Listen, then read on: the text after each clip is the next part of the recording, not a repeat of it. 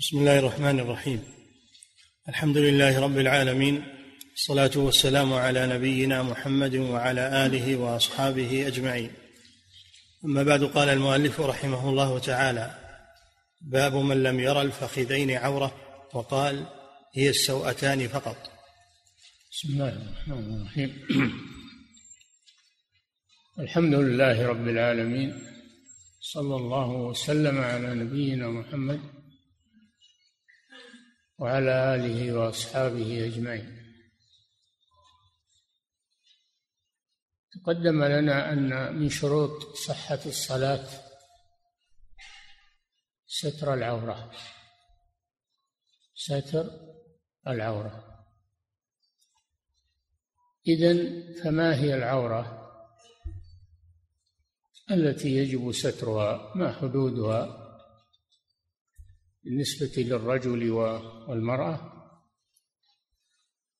وثانيا بماذا يسترها؟ كل هذا سيأتي إن شاء الله. نعم. باب من لم يرى الفخذين عورة وقال هي السوأتان فقط. عن عائشة رضي الله عنها أن رسول الله صلى الله عليه وسلم كان جالسا كاشفا عن فخذه. استأذن أبو بكر فأذن له وهو على حاله ثم استأذن عمر فأذن له وهو على حاله ثم استأذن عثمان فارخى عليه ثيابه. فلما قاموا قلت يا رسول الله استأذن أبو بكر وعمر فأذنت لهما وأنت على حالك. فلما استأذن عثمان أرخيت عليك ثيابك. فقال يا عائشة ألا أستحيي من رجل؟ والله إن الملائكة لتستحيي منه. رواه أحمد. وروى أحمد هذه القصة من حديث حفصة بنحو ذلك ولفظه دخل علي رسول الله صلى الله عليه وسلم ذات يوم فوضع ثوبه بين فخذيه وفيه فلما استأذن عثمان تجلل بثوبه. نعم هذا الحديث أو هذان الحديثان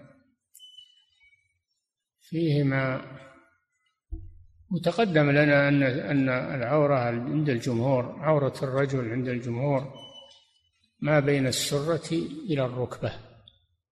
هذا تقدم. وهذا قول جمهور أهل العلم. ومنهم من العلماء من يرى أن العورة هي السوأتان يعني القبل والدبر فقط. وأما الفخذان فليس بعورة.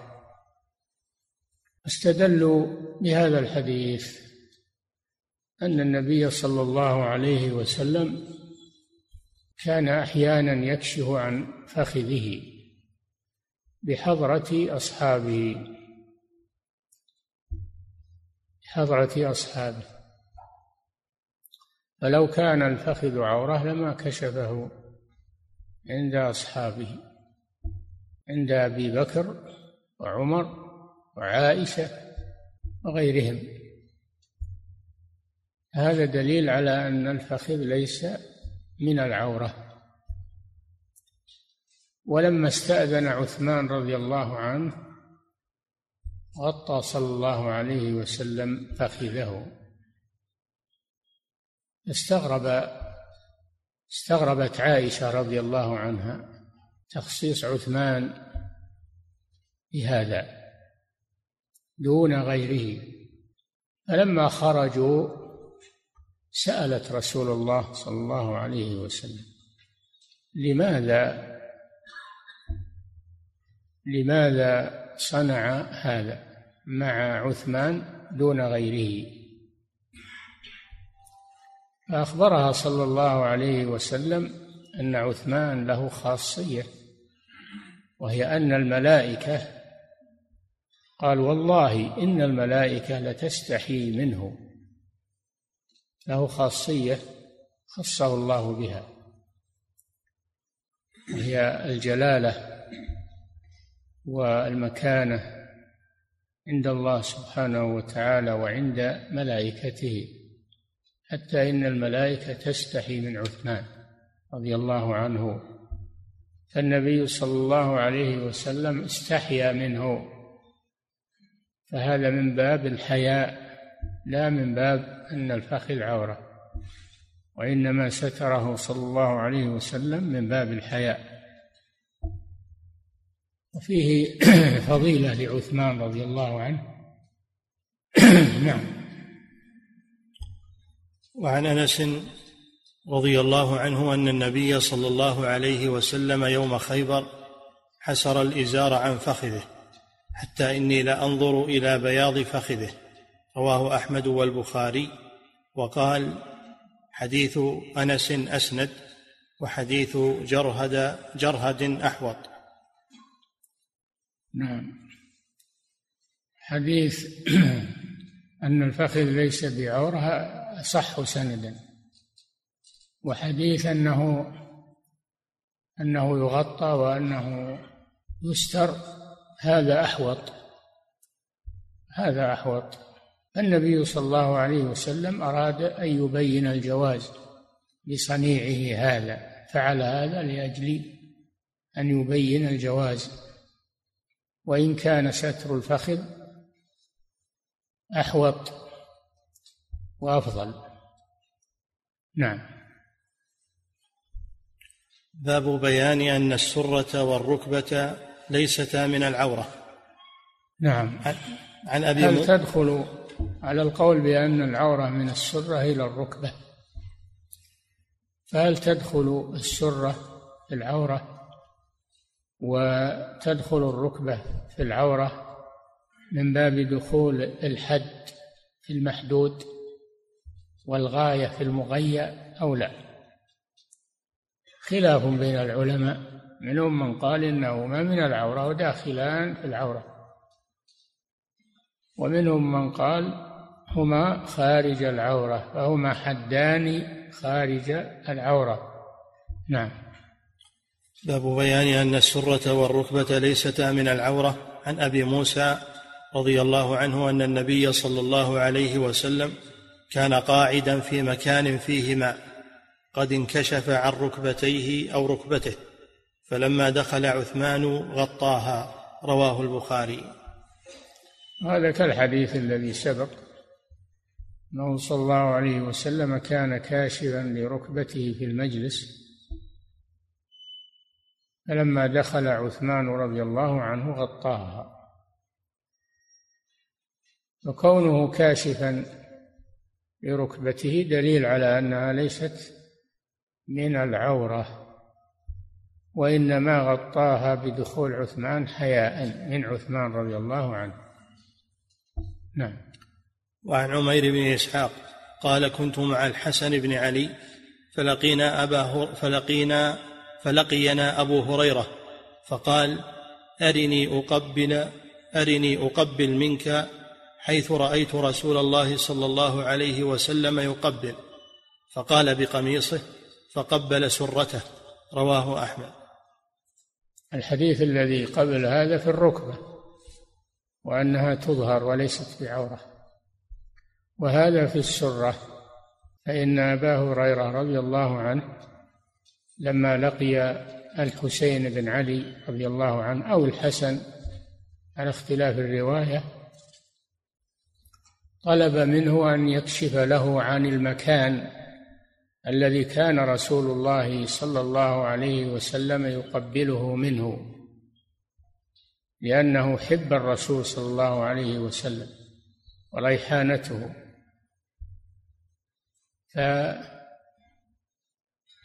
فكشف له عن سرته فقبلها اقتداء بالرسول صلى الله عليه وسلم. فهذا فيه فضل الحسين أو الحسن رضي الله عنهما. وأن الرسول صلى الله عليه وسلم يحبهما وفيه أن السرة ليست عورة إذ لو كانت عورة لما كشف لما قبلها رسول الله صلى الله عليه وسلم ولما كشفها لأبي هريرة لما طلب منه ذلك. هذا دليل على أن السرة ليست عورة. كما دل الحديث الذي قبله على أن الركبة ليست عورة والخلاف معروف في هذا. ورجح الشوكاني في شرحه أن الركبة والسرة من العورة. نعم. وأنهما داخلان فيها. نعم. وعن عبد الله بن عمرو قال صلينا مع رسول الله صلى الله عليه وسلم المغرب فرجع من رجع وعقب من عقب.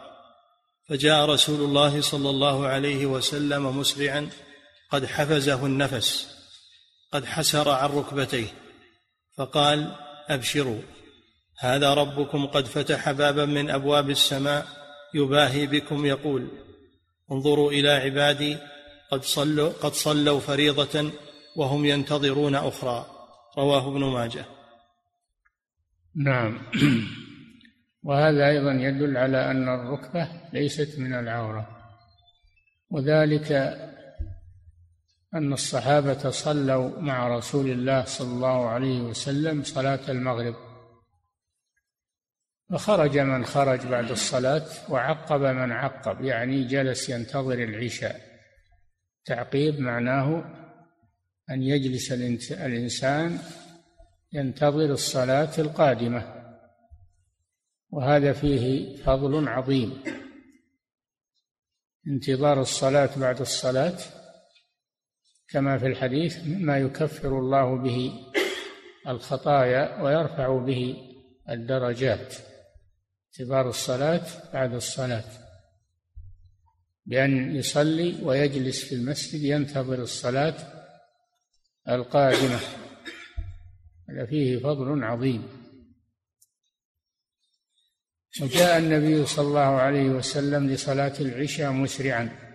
حفزه النفس من شدة السرعة يعني ثار نفسه صلى الله عليه وسلم من شدة السرعة فرحا بما يحمله من الخبر لأصحابه. أخبرهم أن الله يباهي بهم ملائكته. في أنهم جلسوا ينتظرون الصلاة. هذا مما يحبه الله سبحانه وتعالى. وأن الله يباهي بأهله الملائكة. فدل هذا على فضيلة انتظار الصلاة بعد الصلاة ودل على حب الرسول صلى الله عليه وسلم الخير لأمته.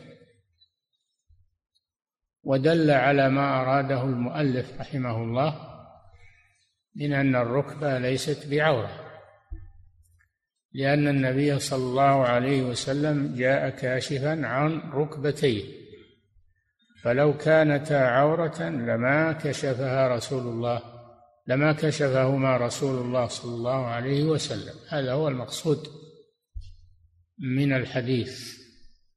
نعم. وعن أبي الدرداء رضي الله عنه قال كنت جالسا عند النبي صلى الله عليه وسلم إذ أقبل أبو بكر اخذا بطرف ثوبه حتى أبدى عن ركبتيه. فقال النبي صلى الله عليه وسلم أما صاحبكم فقد غامر.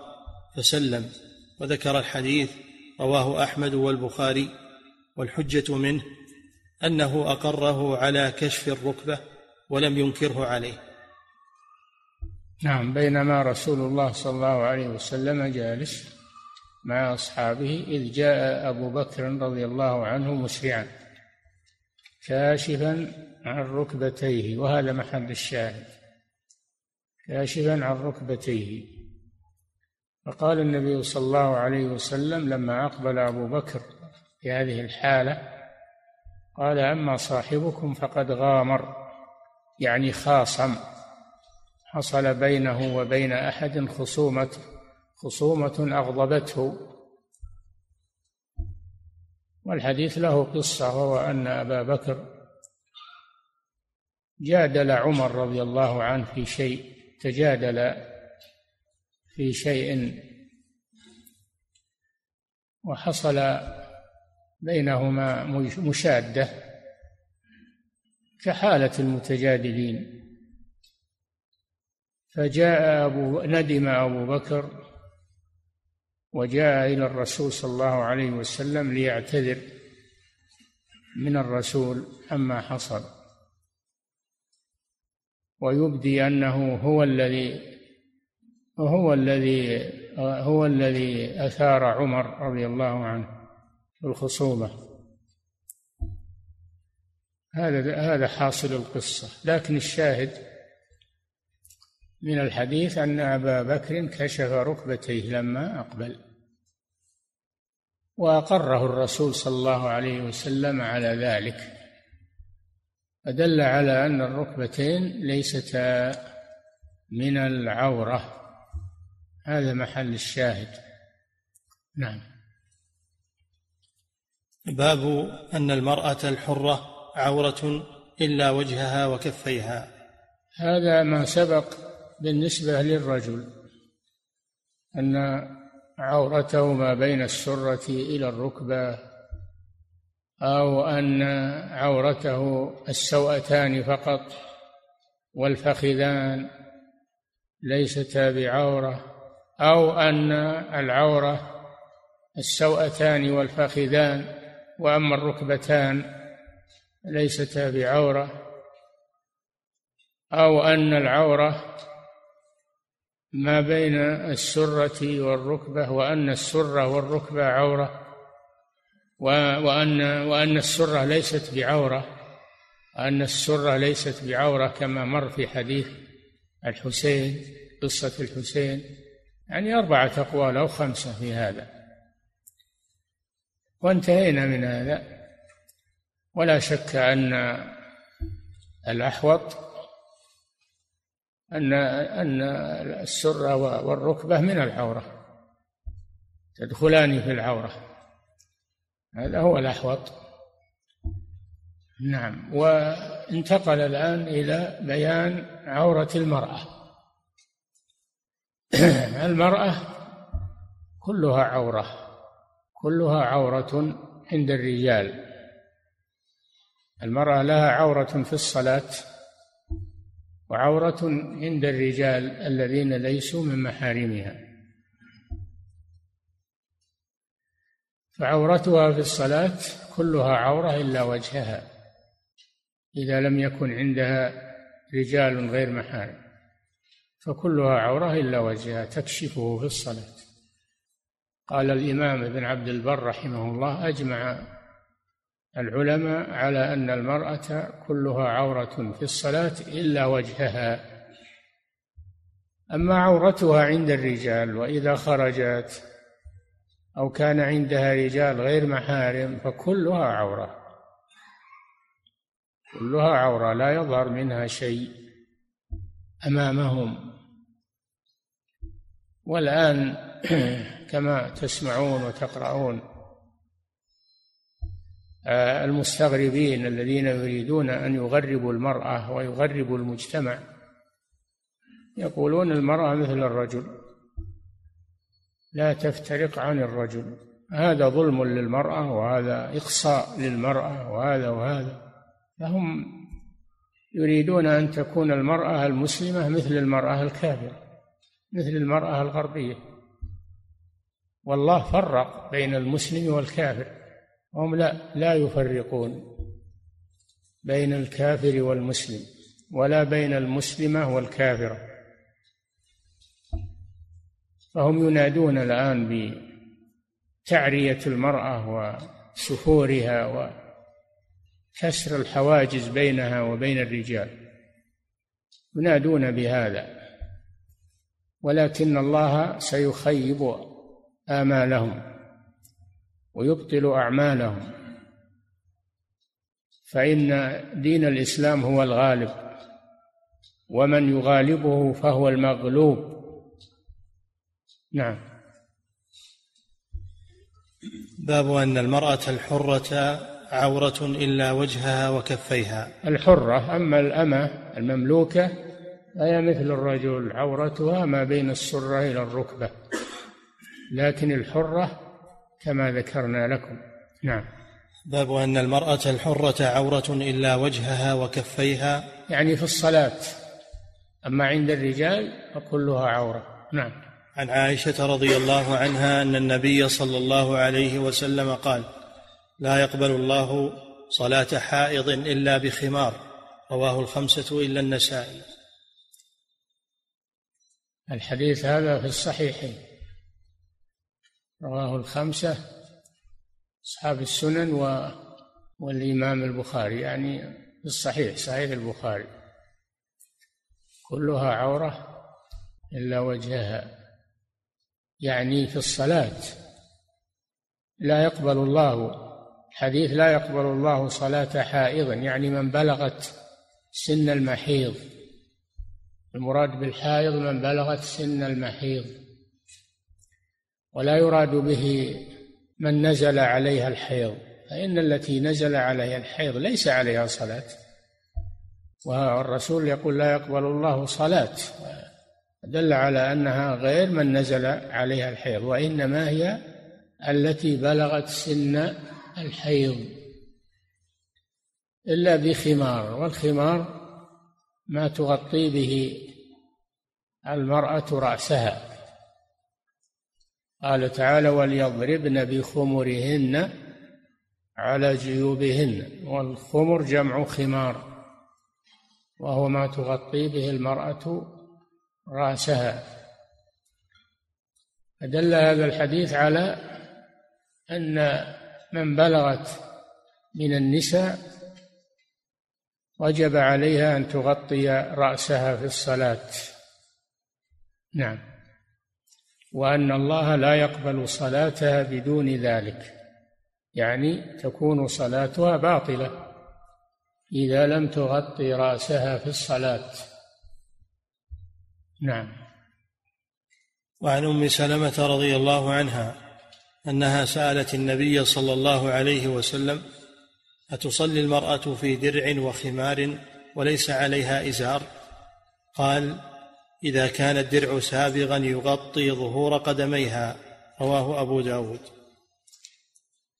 المرأة الأفضل أن تصلي بخمسة أثواب. بخمسة أثواب. في ثوب وخمار وإزار ولفافة فوق ذلك. لفافة فوق ذلك. إزار وقميص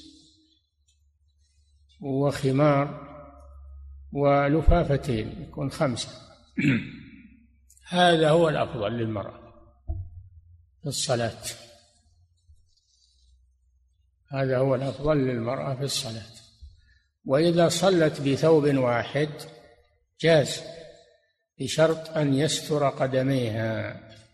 تقدم أنه يجب عليها ستر رأسها وهذا يدل على أنها أيضا تستر قدميها فتكون المرأة في الصلاة ساترة لرأسها وساترة لبقية جسمها وأن تغطي قدميها وأما وجهها فتكشفه إذا لم يكن عندها رجال.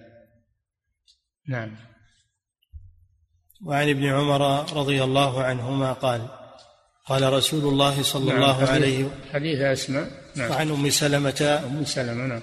رضي الله عنها أنها سألت النبي صلى الله عليه وسلم أتصلي المرأة في درع وخمار وليس عليها إزار؟ قال ليس عليها إزار بدرع وهو الثوب الخمار على الرأس. نعم. تصلي المرأة في درع وخمار وليس عليها إزار. قال إذا كان الدرع سابغا يغطي ظهور قدميها. رواه أبو داود. إذا كان الدرع سابغا يعني ضافيا يغطي ظهور قدميها. فدل على أن القدمين عورة في صلاة المرأة. أن القدمين عورة في صلاة المرأة. فلا تظهرهما سواء كان عندها أحد أو لم يكن عندها أحد. نعم. وعن ابن عمر رضي الله عنهما قال قال رسول الله صلى الله عليه وسلم من جر ثوبه خيلاء لم ينظر الله إليه يوم القيامة. فقالت أم سلمة كيف تصنع النساء بذيولهن؟ قال يرخين شبرا. قالت إذا تنكشف أقدامهن. قال فيرخينه ذراعا لا يزدن عليه. رواه, رواه النسائي والترمذي وصححه ورواه أحمد ولفظه أن نساء النبي صلى الله عليه وسلم سألنه عن الذيل فقال اجعلنه شبرا. فقلنا إن شبرا لا يستر من عورة. فقال اجعلنه ذراعا. نعم وهذا الحديث يدل على أن الإسبال حرام بالنسبة للرجال. الإسبال بالنسبة للرجال حرام وهو ما نزل عن الكعبين. هذا هو الإسبال ما نزل عن الكعبين. من الإزار والثوب والبشت وكل ملبوس للرجل لا ينزل عن الكعبين أما نزل فهو في النار بمعنى أن الله يعذبه بالنار فدل على تحريم الإسبال بالنسبة للرجال وعلى أنه كبيرة من كبائر الذنوب لأن الرسول توعد عليه بالنار فهو كبيرة من كبائر الذنوب. يستثنى من ذلك النساء لأنهن بحاجة إلى الستر. فلا بأس أن يكون ثوب المرأة نازلا. يكون ثوب المرأة نازلا يستر عقبيها. الحديث الذي مر يستر قدميها وهذا يستر عقبيها. فترخيه. هذا إسبال. لكنه جائز وواجب على المرأة. ترخيه قدر شبر من خلفها. قالوا الشبر ما ما يكفي يظهر عقبها. قال ذراع ولا يزدن على ذلك. فدل هذا على أن العقب عقب المرأة مثل قدمها أنه عورة في الصلاة لا بد أن تغطيه. وكذلك إذا خرجت من البيت فهو عورة إذا رآه الرجال. نعم. باب النهي عن تجريد المنكبين في الصلاة إلا إذا وجد ما يستر العورة وحدها. نعم الرجل رجع إلى الرجل إلى الرجل في الصلاة. رجل في الصلاة إما أن يصلي بثوب قميص وإما أن يصلي بإزار ورداء إزار على أسفله ورداء على أعلاه.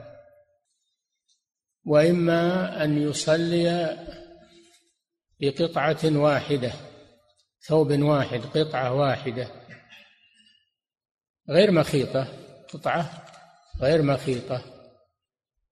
فهذه إن كانت كبيرة فإنه يشتمل بها على كتفيه وجميع بدنه في الصلاة. وإن كانت صغيرة فإنه يأتزر بها يجعلها إزارا.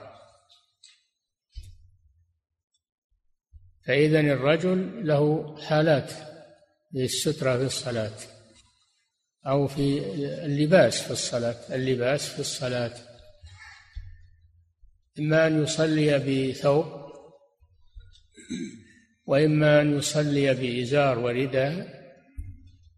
وإما أن يصلي بقطعة واحدة إن كانت كبيرة يشتمل بها على جميع جسمه ويلفها على جميع جسمه وإن كانت صغيرة فإنه يعتذر بها وبذلك تصح صلاته لأنه ساتر لعورته.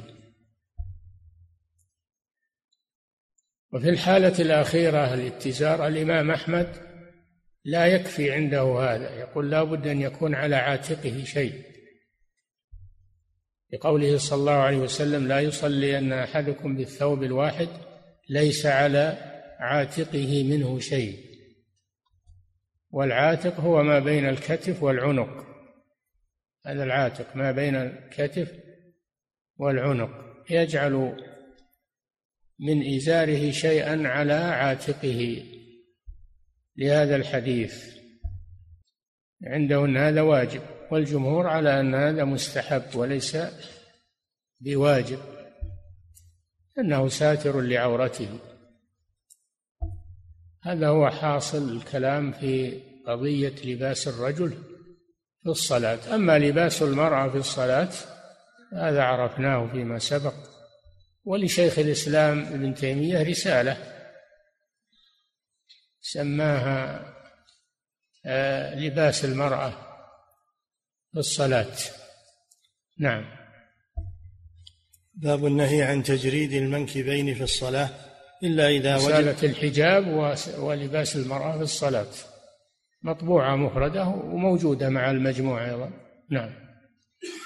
باب النهي عن تجريد المنكبين في الصلاة إلا إذا وجد ما يستر العورة وحدها عن أبي هريرة رضي الله عنه. النهي عن تجريد الكتفين في الصلاة يعني كشف الكتفين في الصلاة.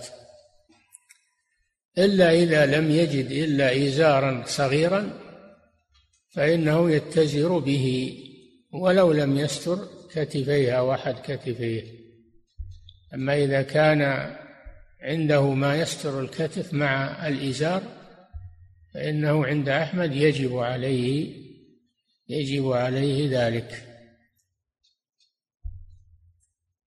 والمحرمون الآن يعني لجهلهم يطرحون الرداء ويصلي ما عليه إلا الإزار مكشوف الكتفين والصدر والبطن. هذا نقص هذا نقص. الذي ينبغي له أن أن يجعل الرداء على كتفيه وعلى صدره وظهره لأن هذا أجمل لهيئته. نعم.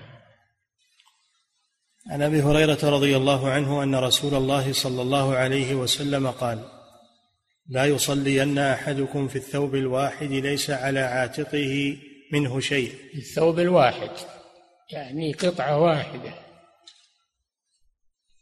يتزر بها إذا كانت صغيرة. لكن يجعل على عاتقه منها شيء. الله أعلم لأجل أن تثبت ولا تسقط. أما إن كانت القطعة كبيرة فيلفها على جسمه وتستره. نعم. لا يصلين أحدكم في الثوب الواحد ليس على عاتقه منه شيء. رواه البخاري ومسلم لكن قال عاتقيه. بدل عاتقه يعني فيكون مستور الكتفين.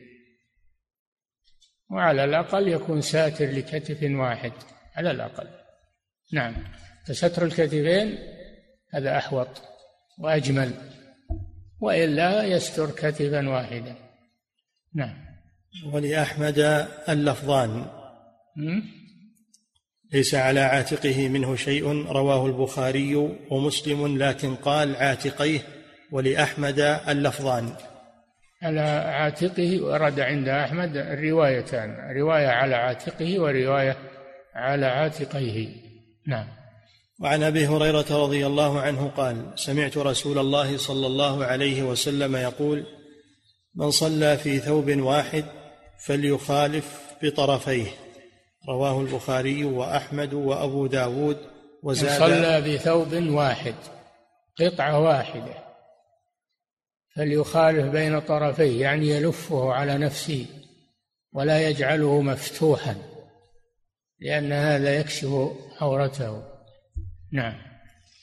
من صلى في ثوب واحد فليخالف بطرفيه رواه البخاري وأحمد وأبو داود وزاد على عاتقيه.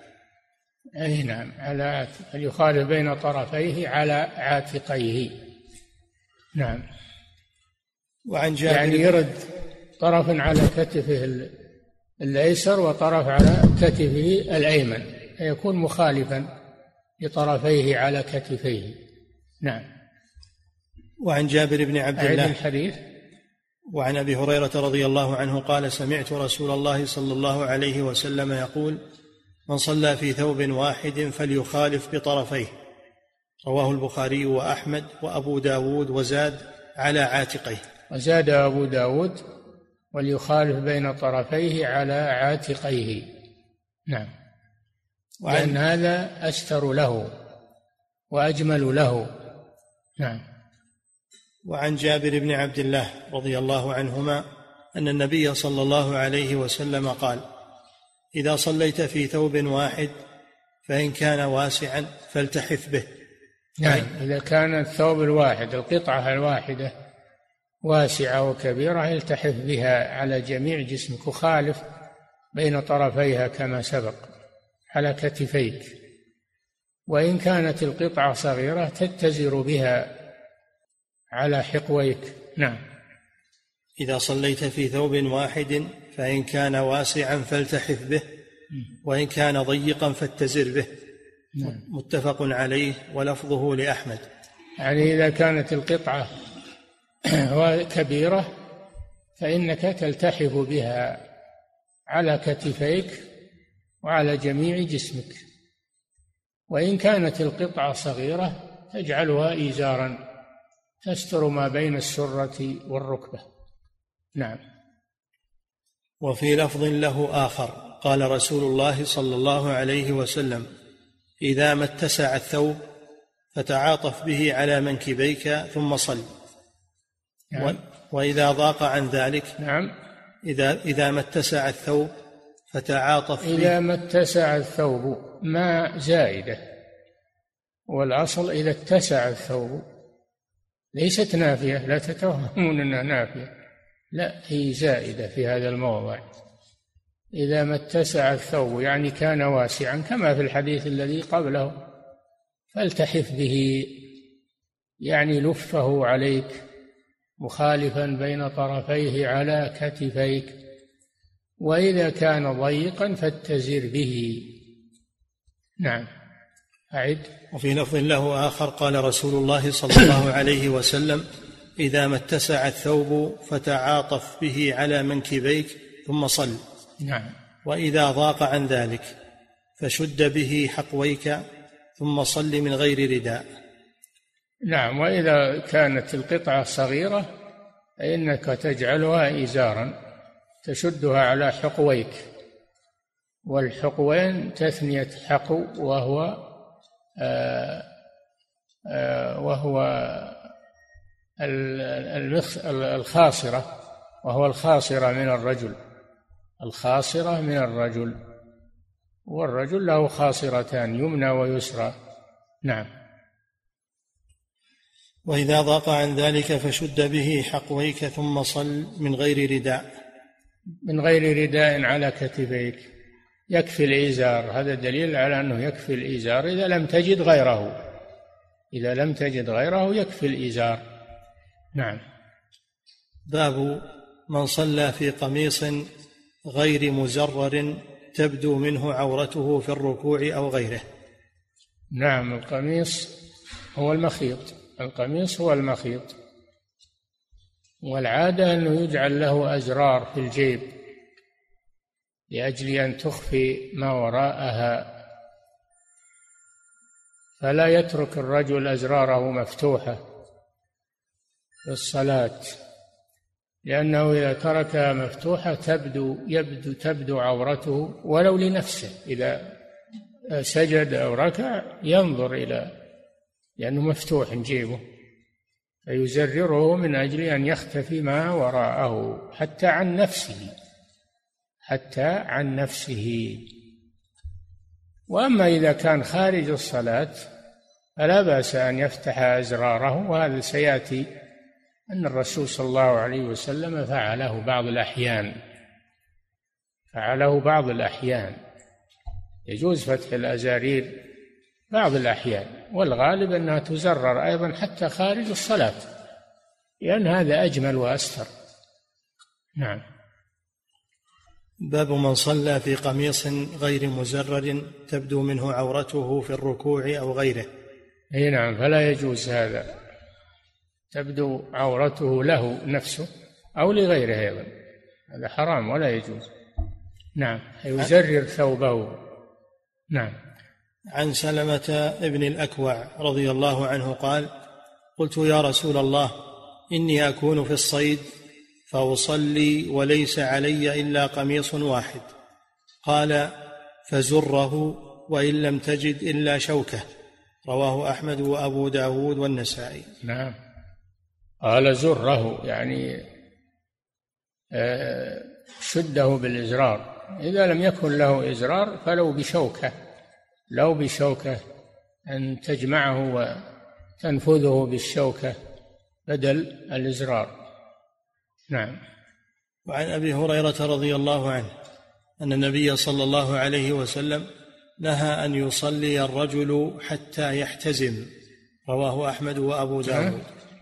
أن النبي عن أبي هريرة رضي الله عنه أن النبي صلى الله عليه وسلم نهى أن يصلي الرجل حتى يحتزم. نعم. رواه أحمد وأبو داود. نعم. وعن عروة ابن عبد الله عن معاوية ابن قرة عن أبيه.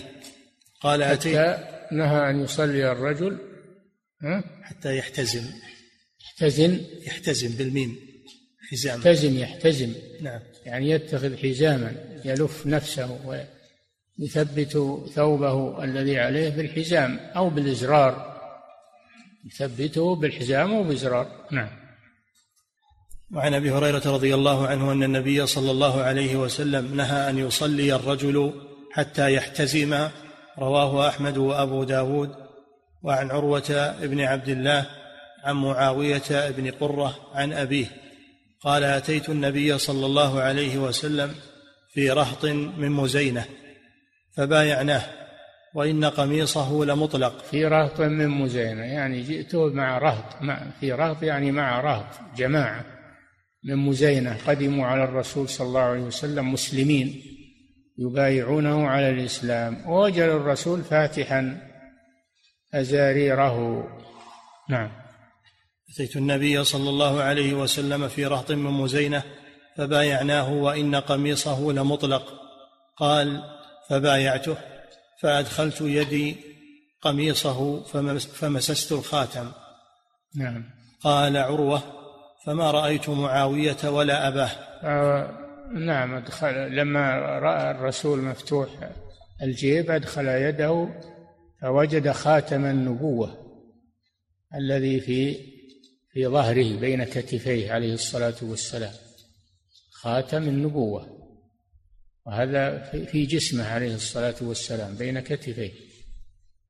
فهو لحبه لهذا الخاتم و اطلاعه أدخل يده انتهز الفرصة فأدخل يده ومسه بيده تشرفا به. نعم. قال فبايعته فأدخلت يدي قميصه فمسست الخاتم. قال خاتم النبوة يعني. نعم. قال عروة فما رأيت معاوية ولا أباه. في شتاء ولا حر إلا مطلق أزرار أزرارهما. لا يزررن أبدا. رواه أحمد هذا من شدة الاقتداء بالرسول صلى الله عليه وسلم. صار معاوية بن قرة وابنه لا يزرران ثيابهما لا في صيف ولا في شتاء. من شدة الاقتداء بالرسول صلى الله عليه وسلم. وإلا فالأولى أنه لا يفتح أزاريره إلا بعض الأحيان بعض الأحيان في خارج الصلاة أيضا في خارج الصلاة أما في الصلاة فلا بد من شد الأزرار نعم. قال عروة فما رأيت معاوية ولا أباه في شتاء؟ معاوية بن قرة يعني نعم. فما رأيت معاوية ولا أباه في شتاء ولا حر إلا مطلقي أزرارهما لا يزرران أبدا رواه أحمد وأبو داود وهذا محمول على أن القميص لم يكن وحده. محمول على أن القميص لم يكن وحده بل تحته شيء. ما إذا كان وحده وصار مفتوح الأزارير تبدو العورة. هذا يدل على أن القميص المفتوح الأزارير تحته ما يستر العورة. ولا بد من هذا. نعم. باب استحباب الصلاة في ثوبين وجوازها في الثوب الواحد. نعم. عن أبي هريرة رضي الله عنه أن سائلا سأل النبي صلى الله عليه وسلم عن الصلاة في ثوب واحد فقال أوى لكلكم ثوبان؟ رواه الجماعة إلا الترمذي.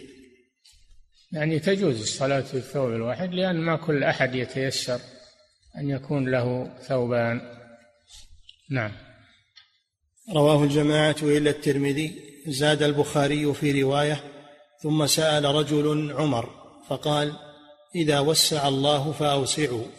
جمع رجل عليه ثيابه صلى رجل في إزار ورداء في إزار وقميص في إزار وقباء قباء. في إزار وقباء في سراويل ورداء في سراويل وقميص في سراويل وقباء في تبان وقباء في تبان وقميص. قال وأحسبه قال في تبان ورداء. نؤجل هذا الحديث للدرس القادم إن شاء الله. نعم.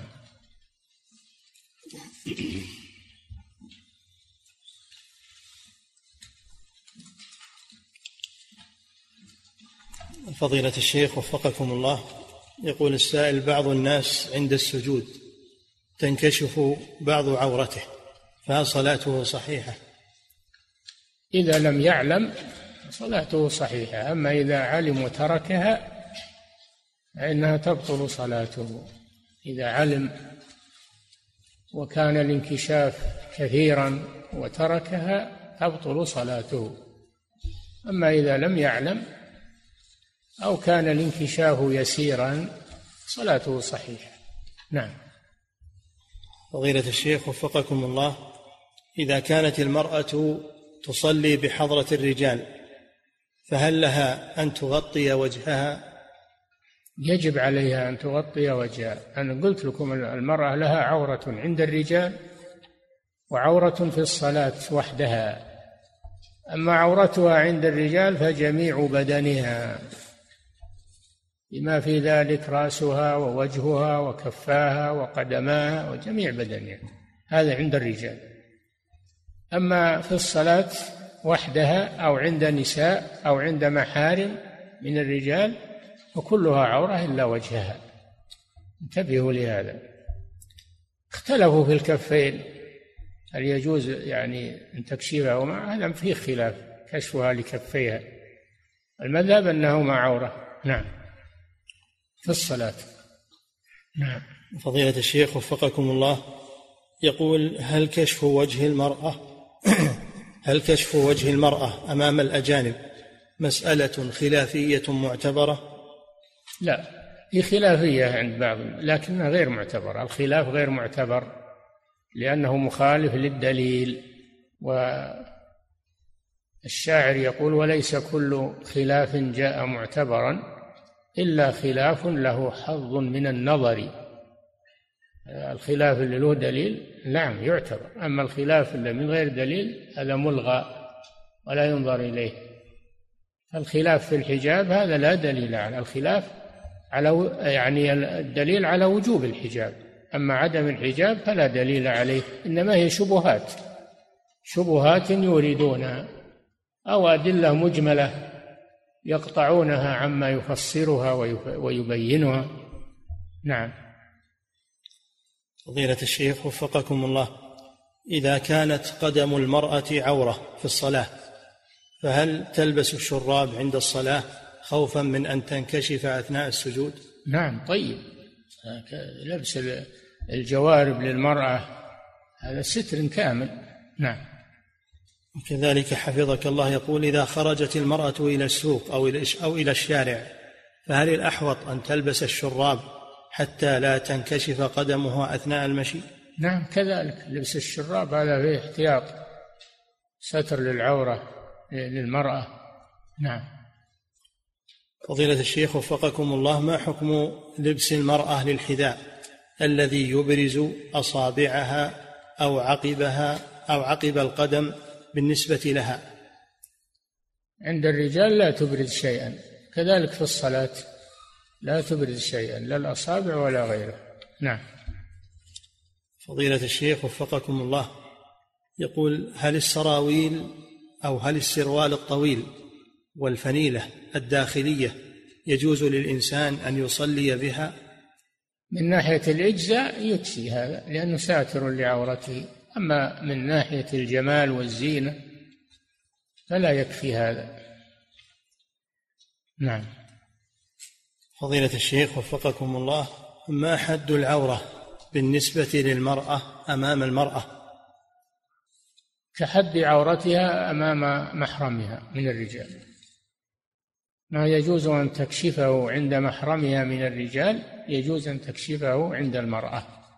وما لا يجوز عند محرمها لا يجوز عند المرأة لأن الله ذكر الرجال المحارم مع النساء ولا يبدين زينتهن إلا لبعولتهن وآبائهن وآباء بعولتهن وأبنائهن وأبناء بعولتهن أو إخوانهن أو بني إخوانهن أو بني أخواتهن أو نسائهن يعني النساء.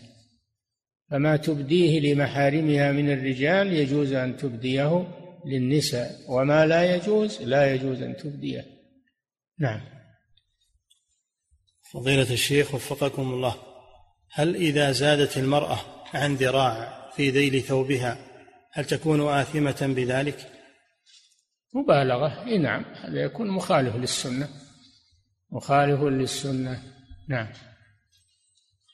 فضيلة الشيخ وفقكم الله يقول امرأة صلت بالحجاب؟ الحين العكس الرجال يسبلون الثياب ويسترون أقدامهم ومواطيهم يجرون ثيابهم بشوتهم والمرأة تحسر عن ساقيها وعن يعني بالعكس صارت. بل تكشف ظهرها وبطنها لا حول ولا قوة إلا بالله. نعم. فضيلة الشيخ وفقكم الله امرأة صلت بالحجاب الذي نزل إلى كتفها وبالبنطال فهل تصح صلاتها؟ البنطال لا. البنطال يبين أحجام جسمها ويفتن بها. لا تصلي بالبنطال ولا تلبس البنطال. البنطال ما يصلح للمرأة لأنه فاتن فيه فتنة. نعم. فضيلة الشيخ وفقكم الله ما القول الراجح في مسألة الفخذ؟ هل هو من العورة أو ليس منها؟ نعم من العورة. الجمهور على ذلك والأدلة تدل على ذلك. لا يجوز كشف الفخذ. نعم. فضيلة الشيخ وفقكم الله الذي ورد في الحديث عن النبي صلى الله عليه وسلم من جر إزاره خيلاء هل يجوز الإسبال بغير خيلاء؟ لا إذا جره خيلاء فالإثم أشد. وإذا جره من غير خيلاء فهو آثم ومحرم لكنه أخف أخف من الذي جره خيلاء. وإلى كلاهما حرام هذا وهذا. نعم. فضيلة الشيخ وفقكم الله ما الفرق بين الالتحاف مع مخالفة الطرفين على الكتفين وبين اشتمال الصماء الذي نهينا عنه في الصلاة؟ بياتي هذا. هذا بياتي إن شاء الله في الدرس القادم. اشتمال الصماء نعم. فضيلة الشيخ وفقكم الله يقول هل لبس الشماغ في الصلاة أفضل من كشف الرأس؟ نعم الجمال وتغطية الرأس بالشماغ أو بالعمامة أو بالغترة هذا أجمل. والمسلم يتجمل للصلاة. يتجمل. الجمال زايد على ستر العورة.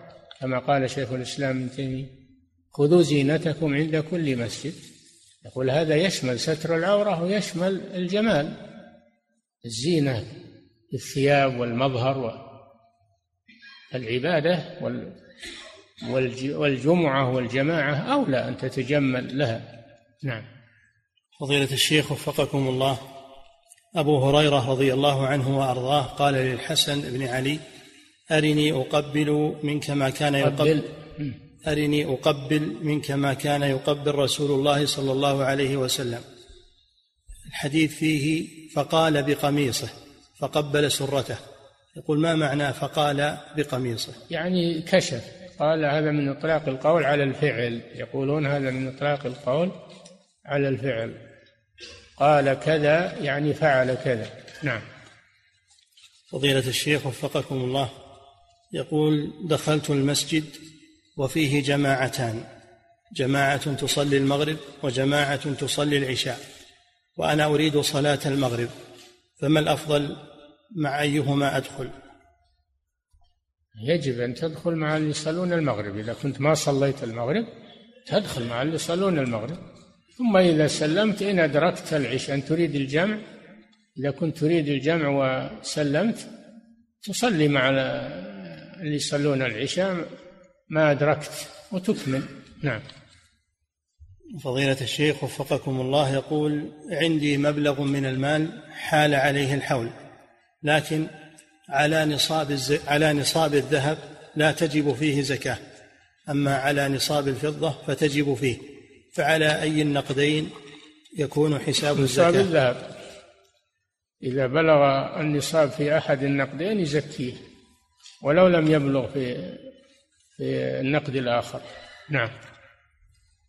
فضيلة الشيخ وفقكم الله يقول طيبت لباس الإحرام ناسيا ثم تذكرت أن طيب أو أن تطيب الملابس لا يجوز فغي فلبستها لأنه ليس عندي غيرها فما الحكم في ذلك؟ حكم أنك تغسل الطيب. إذا كان في ثوب الإحرام طيب أو أصابه طيب تغسله تبادر بغسله ولا تتركه. لأن استدامته نوع من التطيب. نعم. فضيلة الشيخ وفقكم الله يقول هل التعقيب خاص بالجلوس في المسجد لانتظار الصلاة أم إذا كان في البيت وينتظر الصلاة ويتحراها يدخل في ذلك؟ يدخل في هذا انتظار الصلاة بعد الصلاة سواء جلس في المسجد أو كان ينتظر الأذان في بيته أو في أي مكان ليذهب إلى الصلاة يدخل. نعم. لكن الذي يجلس في المسجد أفضل. نعم. فضيلة الشيخ وفقكم الله يقول هل يجوز أن نقول من السنة في لبس المرأة أن يكون مسبلا؟ ها؟ هل يجوز أن نقول من السنة في لباس المرأة أن يكون مسبلا؟ مرخى مسبل يعني مرخى أنها ترخى الرجل لا يرخي لباسه وإذا أرخاه فهو إسبال أما المرأة فترخيه وإذا أرخته لا يأخذ حكم الإسبال بل يأخذ حكم الستر. نعم. فضيلة الشيخ وفقكم الله يقول نرى بعض المعتمرين يصلي وهو مضطبع فما حكم صلاته تلك؟ وهل ينكر عليه؟ صلاته صحيحة لأنه ساتر لعورته. أما اطباعه في غير الطواف هذا في غير محله. اطباعه في غير الطواف طواف القدوم أو طواف العمرة هذا في غير محله. نعم. فضيلة الشيخ وفقكم الله ذكرتم حفظكم الله أن عورة الأمة من السرة إلى الركبة فهل هذا في الصلاة فقط؟ أم أيضا بالنسبة للرجال الأجانب؟ كلهم. عورة الأمة مثل عورة الرجل بين السرة والركبة في الصلاة وغير الصلاة. نعم. فضيلة الشيخ وفقكم الله ما حكم من يسبل يديه في الصلاة ولا يضم؟ ويقول إن هذا هو فعل النبي صلى الله عليه وسلم. القبض في الصلاة قبض اليدين في الصلاة سنة. ما هو بواجب ويجوز الإرسال فيجوز أن يقبض يديه ويجوز أن يرسل يديه وهو قائم والقبض أفضل. قبض اليدين على الصدر أفضل. نعم. فضيلة الشيخ وفقكم الله. رجل لم يصلي المغرب ودخل المسجد فوجد الإمام يصلي العشاء فهل يدخل معه بنية المغرب؟ وماذا يفعل إذا قام الإمام للرابعة؟ الأولى أنه يصلي المغرب أولا ثم يدخل مع الإمام فيما بقي من من العشاء. هذا هو الأولى له. وإن دخل معه بنية المغرب فإذا قام الإمام للرابعة لا يقوم معه يجلس ويأتي بالتشهد الأخير. ثم إن شاء سلم لنفسه وإن شاء انتظر الإمام وسلم معه. نعم. فضيلة الشيخ وفقكم الله يقول ما حكم زراعة الأعضاء البشرية أو وضع الأعضاء الصناعية؟ الأعضاء البشرية إذا وافقت وتبرع بها صاحبها هذا صادر فيه قرار من هيئة كبار العلماء أنه إذا لم يكن على المتبرع ضرر في جسمه وكان المتبرع له محتاجا إلى ذلك فلا بأس بذلك. نعم. والعضو الصناعي إذا كان يقوم بالحاجة لا بأس. طيب مثل العصا اللي توكل عليه وتعتمد عليه. نعم. فضيلة الشيخ وفقكم الله إذا صلت المرأة وقد غطت جسدها كما ينبغي. إذا صلت المرأة وقد غطت جسدها كما ينبغي لكن عندما تسجد تظهر قدماها دون قصد منها ويبدو بعض شعرها على ناصيتها فما حكم صلاتها في هذه الحال؟ إذا علمت بذلك وتركته لم تصح صلاتها وإذا لم تعلم فصلاتها صحيحة. نعم. فضيلة الشيخ وفقكم الله يقول ألاحظ في في منزلي بعض الأشياء الغريبة التي توحي بوجود جن حتى إنها تضايق زوجتي أحيانا بالخنق والتضييق. فما واجبي تجاه هذا؟ وهل ينبغي علي أن أغير هذه الشقة أو المنزل؟ إذا غيرتها هذا لا شك إنه أحسن وأبعد لك عن الشكوك وعن وإذا لم تغيرها استعمل الورد. قراءة القرآن استعمل الورد. اقرأ سورة البقرة كما قال النبي صلى الله عليه وسلم إن الشيطان يفر من البيت الذي تقرأ فيه سورة البقرة. وقال لا تطيقها البطلة يعني الشياطين. ما تطيق سماع سورة البقرة.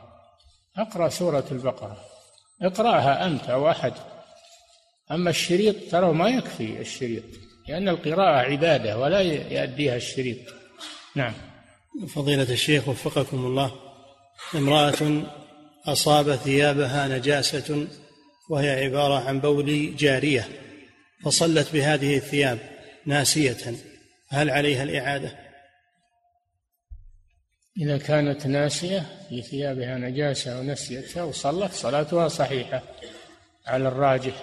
من أقوال أهل العلم أنها صحيحة. تعذر بالنسيان ولكن تغسلها تبادر بغسلها للمستقبل. نعم. فضيلة الشيخ وفقكم الله. يقول في بعض الدول تبنى مباني كبيرة عبارة عن إدارات حكومية أو مكاتب وتقام فيها صلاة الجمعة لعدم وجود مساجد حولها. هل هذا جائز؟ في بعض؟ في بعض الدول تبنى مبان كبيرة عبارة عن مكاتب وإدارات حكومية وتقام فيها صلاة الجمعة. لعدم وجود مساجد حولها. هل هذه الصلاة جائزة؟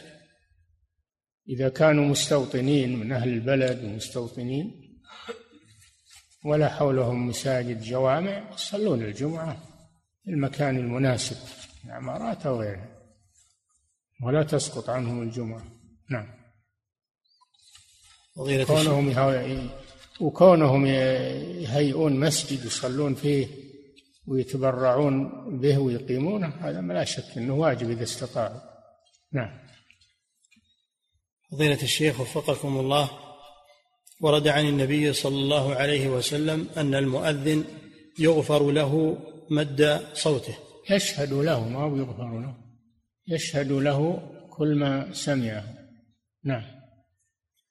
يقول حفظك الله فهل هذا يعني أنه كلما زاد صوت كلما زاد صوته في البعد زاد هذا الأجر؟ صوته صوته ما هو بصوت المكبر صوته هو المجرد هذا المقصود. الحديث على ظاهره نعم لكن صوته المجرد. ما هو بالصوت المكبر؟ الصوت المكبر يسمع من مسافة بعيدة. نعم. فضيلة الشيخ وفقكم الله. يقول انتشرت في هذه الأيام عادة نعم. انتشرت هذه الأيام عادة بين بعض المصلين وهي أن الناس يقرؤون المعوذات بعد كل صلاة ثم ينفثون في أيديهم ويمسحون بها أجسامهم. فهل هذا العمل مشروع أو هو بدعة؟ هذا ورد عند النوم كل واحد يفعله عند النوم مع نفسه مع نفسه. وأما بعد الصلاة يقرأ بدون نف... بدون إنه ينفث ويمسح. يقرأها بال... على انه ورد. يقرأها على أنها ورد بعد الصلاة. نعم. فضيلة على انه رقية على انه ورد. نعم. فضيلة الشيخ وفقكم الله. يقول دخلت المسجد قبل أذان الظهر بخمس دقائق. فماذا أفعل؟ هل لي أن أصلي تحية المسجد؟ أم أقف وأنتظر إلى الأذان؟ كان الأذان قريب أنتظر. إذا صار ما يمكنك تصلي الركعتين لأن الأذان قريب انتظر. أحسن لأجل تجيب المؤذن وبعده تصلي تجمع بين فضيلتين. أما إذا كان الوقت واسع ويمكنك تصلي الراتبة وتسمع للمؤذن وتجيبه فهذا أحسن. نعم. فضيلة الشيخ وفقكم الله. يقول شخص احتاج للحطب. احتاج للحطب فجاء في ساعة متأخرة من الليل احتاج إلى الحطب. حطب؟ نعم. إيه؟ فجاء في ساعة متأخرة من الليل فوجد المحلات قد أغلقت. فوجد حطبا خارج محل فأخذ حزمة وبعد أيام نسي المحل الذي قد أخذ منه. فماذا يفعل في هذه الحال؟ يذهب إلى المحل وينادي من من هو صاحب الحزمة التي أخذت من هذا المكان؟ ينادي. لأن راعيها يبي يبحث عنها ويبي. تذهب إلى المكان وتعلن هذا. أو تضع ورقة على الجدار تكتبها إعلان. نعم. فضيلة الشيخ وفقكم الله. يقول في مسألة المسح على الخفين هل يجب علي أن أغير الشراب كل يوم وليلة حتى ولو كان نظيفا أم الواجب أن أغسل الرجلين فقط ثم أعيد لبسه؟ تمسح على الشراب إلى أن تتخرق الشراب وتبلى ما في مانع. مو كل كل صلاة له شراب لا. تمسح عليها ما دامت صالحة للمسح تمسح عليها إلى أن إلى أن تنتهي. نعم. فضيلة الشيخ وفقكم الله امرأة توفي عنها زوجها وهي تعمل كاتبة على بند وتمنحها الدولة إجازة خمسة عشر يوما فقط.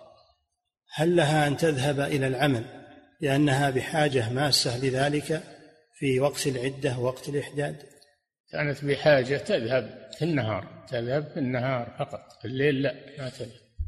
لكن في النهار تذهب إذا كانت بحاجة إلى العمل. للنفقة ما في مانع. نعم. فضيلة الشيخ وفقكم الله يقول كنت في حافلة وكاد وقت صلاة المغرب أن يخرج ولم يتوقف السائق حتى نؤدي الصلاة. فصلينا في الحافلة على حسب حالنا فهل فعلنا هذا صحيح؟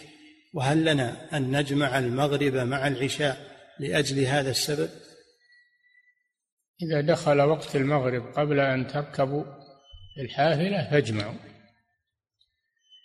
وإذا لم يدخل وقت المغرب ودخل وأنتم في الحافلة أخروها إلى العشاء وصلوها إذا نزلتم جمع تأخير. وإذا لم يتمكن هذا ولا هذا صلوا ولو في الحافلة. لكن تتجهون إلى القبلة لأن بإمكانكم التوجه إلى القبلة وأنتم في الحافلة. نعم. وفضيلة الشيخ وفقكم الله يقول السائل أحيانا بعد قضاء الحاجة أشك في خروج قطرات من البول وعندما أتأكد وأنظر أجد ذلك حقيقة فهل يجب علي أن أتأكد دائما؟ أو لا يجب علي ذلك علما بأنني لا أستطيع التأكد أحيانا لكوني في بيت الغير مثلا. لا يكون عندك وسواس. إذا تبولت نشف الذكر. كن معك مناديل فاين. تنشف الذكر بعد البول ثم تستنجي وتتوضأ. ولا تتوضأ حتى ينشف المخرج وتستنجي ثم تتوضأ. في في بيتك ولا في بيت الغير؟ ما في مانع لأنك ستكون في مكان مغلق وخالي تتصرف. نعم. يكون معك مناديل في في جيبك أو في آه، مخباتك وتعمل هذا الشيء. نعم. فضيلة الشيخ وفقكم الله يقول يصرف لنا من الدائرة الحكومية التي أعمل فيها يصرف لنا أقلام فهل يجوز لي أن أستخدمها خارج الدوام؟ إذا كانت الأقلام للعمل وللمكتب لا يجوز لك أن تأخذها لعملك الخاص. أما إذا كانت مبذولة لك أنت اعمل ما في بأس. إذا كانت لا مبذولة للعمل وللمكتب فلا تستعملها لحاجتك. نعم. فضيلة الشيخ وفقكم الله يقول أنا شاب أريد الزواج ولكن أبي يمنعني ويقول حتى يتزوج إخوانك الكبار علما بأن أحدهما يعمل والآخر له سبع سنين في الدراسة فهل يجوز لي أن أتزوج مع منع أبي ذلك؟ إذا كنت تقدر على هذا من مالك تخاف على نفسك فتزوج. تقدر عليه وتخاف على نفسك تزوج نعم وليس لأبيك أن يمنعك من هذا. نعم. فضيلة الشيخ وفقكم الله يقول لقد عقدت على امرأة وشرط أهلها في العقد أن تكمل دراستها ثم تبين لي أن في دراستها أن في دراستها اختلاطا فطلبت منهم أن تترك الدراسة أو تبدل دراستها فرفضوا فطلقتها. فهل لي ذلك وهل عملي هذا صحيح؟ الطلاق لك أن تطلقها ولو ما فيه دراسة. أنت حر. شئت تمضي وتزوجها وإن شئت تطلقها إذا ما صلحت لك لا حرج عليك في ذلك. وإذا كان طلاقك لها لهذا السبب غيرة عليها هذا شيء طيب.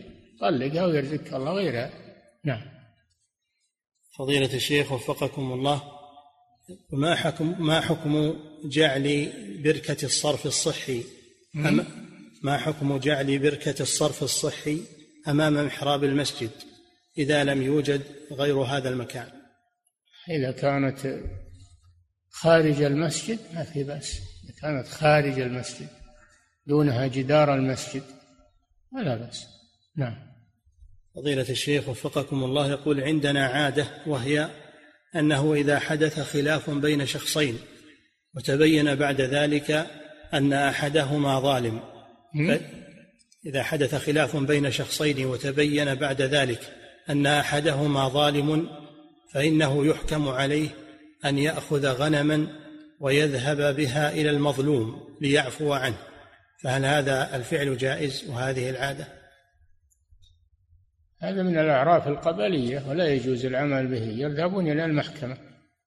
يذهبون إلى المحكمة الشرعية. تفصل بينهم. شرعا لا عاده قبليه نعم. فضيلة الشيخ وفقكم الله يقول بعض الناس يفتح أنوار البيت إذا أراد أن يسافر حتى لا يأتي السراق إلى إلى هذا البيت. فهل هذا الفعل من التعلق بغير الله؟ لا هذا من فعل الأسباب بس أنا أخشى أنهم إذا شافوا البيت منور أزين لهم يشوفون الحاجات ويشوفون الدراهم ويشوفون ال... هنا. نعم ولا هو جائز يولعوا. نعم. فضيلة الشيخ وفقكم الله يقول هل هل يجوز الدعاء إذا جلس الخطيب بين الخطبتين؟ نعم لا بأس. إنما منع الكلام حال الخطبة أما بين الخطبتين لا بأس نعم. فضيلة الشيخ وفقكم الله هل يمكن أن نقول بوجوب تغطية الفخذين إذا كانت مثيرة للفتن